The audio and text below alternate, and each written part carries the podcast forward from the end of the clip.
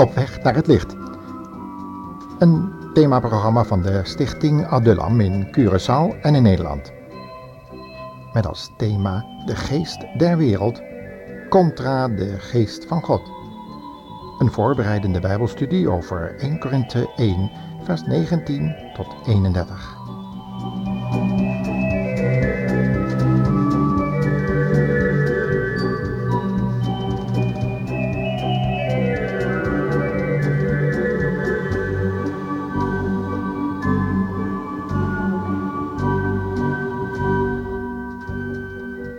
Eindelijk was het dan zover.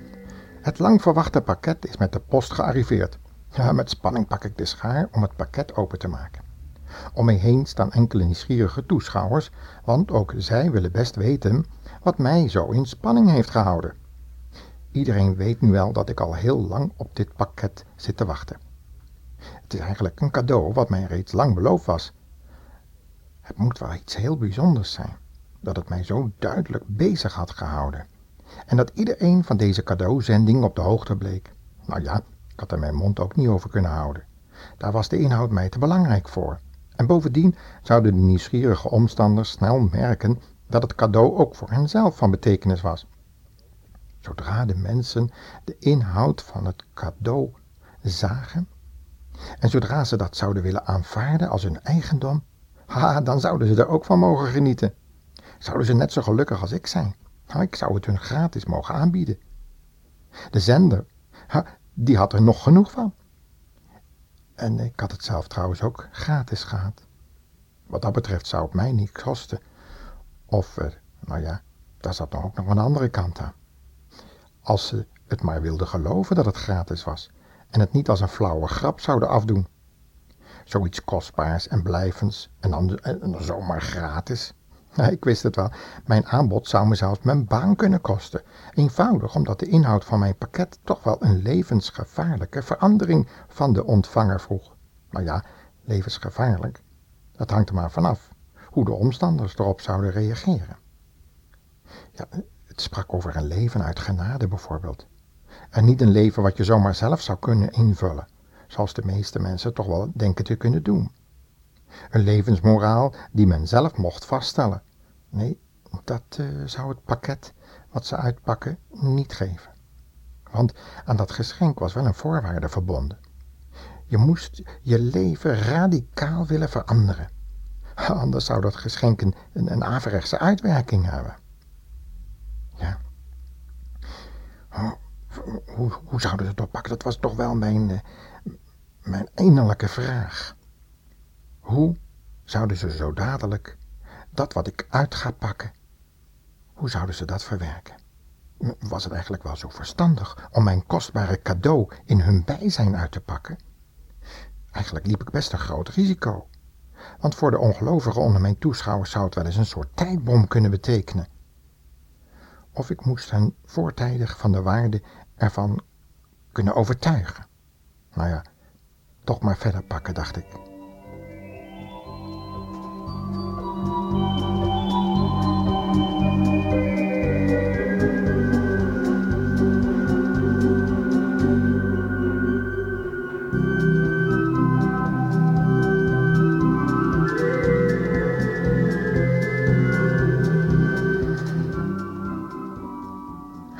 Zoals ik gevreesd had gebeurde. Morrend, sommigen lichtelijk verbaasd, hadden de meesten zich geïrriteerd van mij en mijn kostbare cadeau afgewend.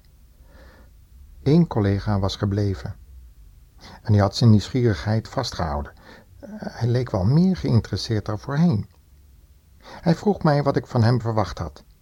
Wat voor bijzondere waarde hecht je toch aan dat boek, wat je nu in je hand hebt? Zo vroeg hij. Ik probeerde het hem uit te leggen dat het een boek vol wijsheid was. Nee, niet de wijsheid van deze wereld, die vergaat toch wel, maar een wijsheid uit de hemel. De wijsheid waarvan Paulus in zijn brief aan de gelovigen in Korinthe schreef.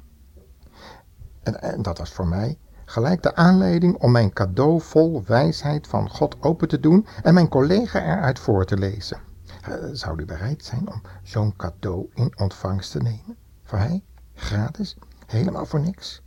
Nou ja, Ik had het al gezegd, hè, voor niets. Dat was eigenlijk best vernederend om iets gratis in ontvangst te mogen nemen. Kost wel een stukje overgave, erkenning dat je iets nodig hebt. En het schept ook wel een bepaalde verplichting tegenover de gever natuurlijk. Bijvoorbeeld dat cadeau uitpakken en het lezen, gewoon omdat het hemelse wijsheid bevat. Nou, laten we nou eens meeluisteren naar wat Paulus in zijn brief ook ons, mensen die zo vaak ingepakt zijn door de wijsheid van deze wereld, zo erg dat we dikwijls helemaal geen interesse hebben voor de wijsheid van God en wat Paulus daar, daarvan te zeggen heeft. Ik zal de wijsheid van die wijze mensen wegnemen en voorbijgaan aan het inzicht van de verstandigen. Nou, waar blijven die grote denkers, de godsdienstige leiders en de beroemde redenaars van deze tijd? Heeft God niet uh, de wijsheid van deze wereld als dwaasheid aan de kaak gesteld? In zijn grote wijsheid wist God best dat de wereld hem door haar eigen wijsheid niet kon vinden. Hij heeft er de voorkeur aan gegeven de mensen te redden die die onzinnige boodschap geloven, dat Jezus Christus voor hen aan het kruis is gestorven. En al vragen de Joden nou wonderen als bewijs en zoeken de Grieken naar wijsheid, wij vertellen over Christus, die voor ons aan het kruis gestorven is. De Joden ergeren zich eraan en de andere volken vinden dat een grote dwaasheid. Maar voor degenen die door God geroepen zijn, is Christus de kracht en de wijsheid van God. Want het dwaze, de zaakjes dan, van God, is wijzer dan wat mensen kunnen bedenken. En het zwakke, ook weer tussen haakjes, van God, heeft meer kracht dan de mensen. Kijk maar naar uzelf, broeders, zo schrijft Paulus verder. Onder u die door God geroepen zijn, zijn menselijk gesproken niet veel grote denkers, niet veel invloedrijke en vooraanstaande personen. Nee, God heeft juist wat voor de wereld dwaas is uitgekozen, om hem die zichzelf zo wijs vinden terecht te wijzen. Hij heeft de zwakken van de wereld uitgekozen om de sterke te beschamen. God heeft het onaanzienlijke en het verachtelijke van de wereld uitgekozen. En dat gebruikt hij om wat in de wereld belangrijk is buitenspel te zetten. Dus zal geen mens zich ooit voor God op iets kunnen beroepen. Dankzij God hebt u nu leven in Christus Jezus. Hij heeft u wijsheid gegeven en door hem staat u rechtvaardig tegenover God. Hij heeft u apart gezet en bevrijd. allemaal dankzij hem. Zo staat het trouwens ook in de boeken. Als iemand zich toch op iets wil beroemen, nou, laat hij zich dan beroemen in de Heere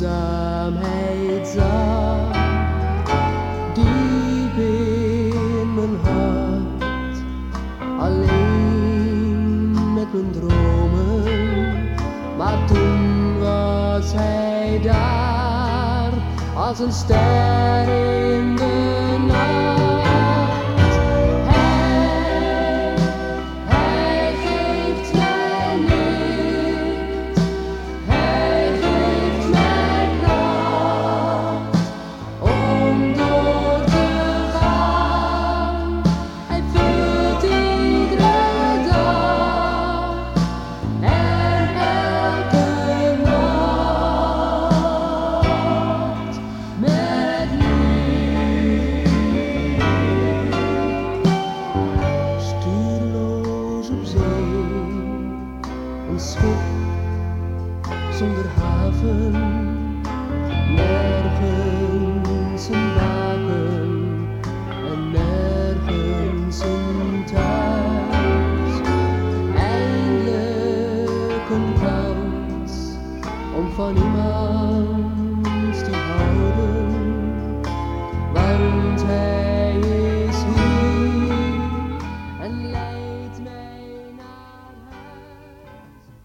Ja, indrukwekkende woorden eigenlijk.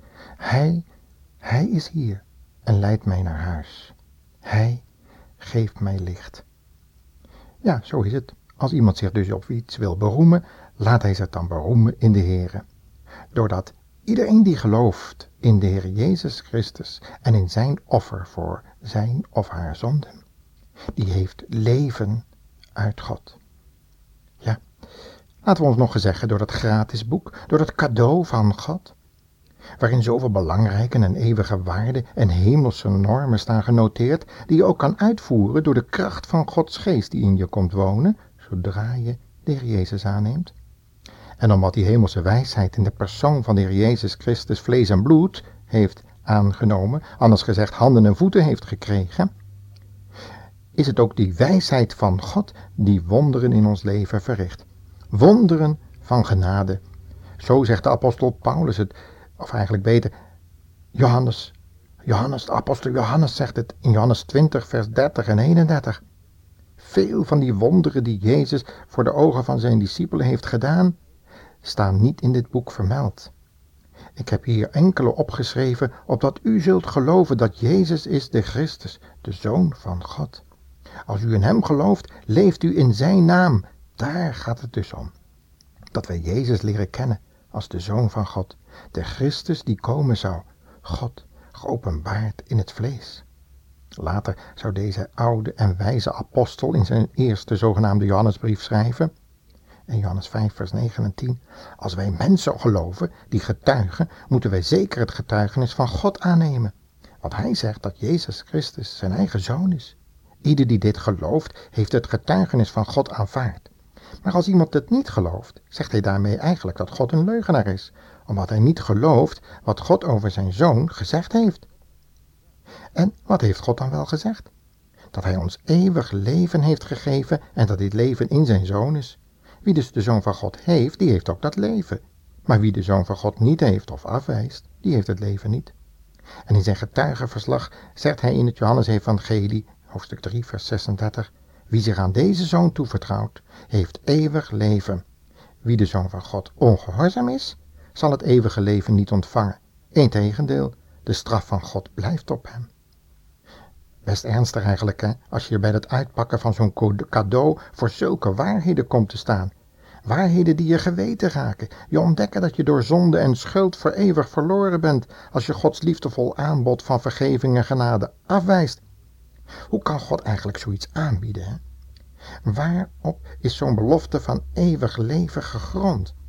Ook dat vermeldt dat cadeau van God, dat boek uit de hemel, door Jezus Christus zelf opgeschreven. Hij die het lam van God wilde worden, om voor u, voor jou, voor mij te sterven aan het kruis van Golgotha. Heb je dat cadeau van God eigenlijk al uitgepakt en gelezen? In het volgend programma gaat collega Arie Bloed in op de vraag hoe wij kunnen voorkomen dat we ons door die geest van de wereld kunnen laten inpakken. Gewoon door dat cadeau van God uit te pakken. Doe dat vandaag nog.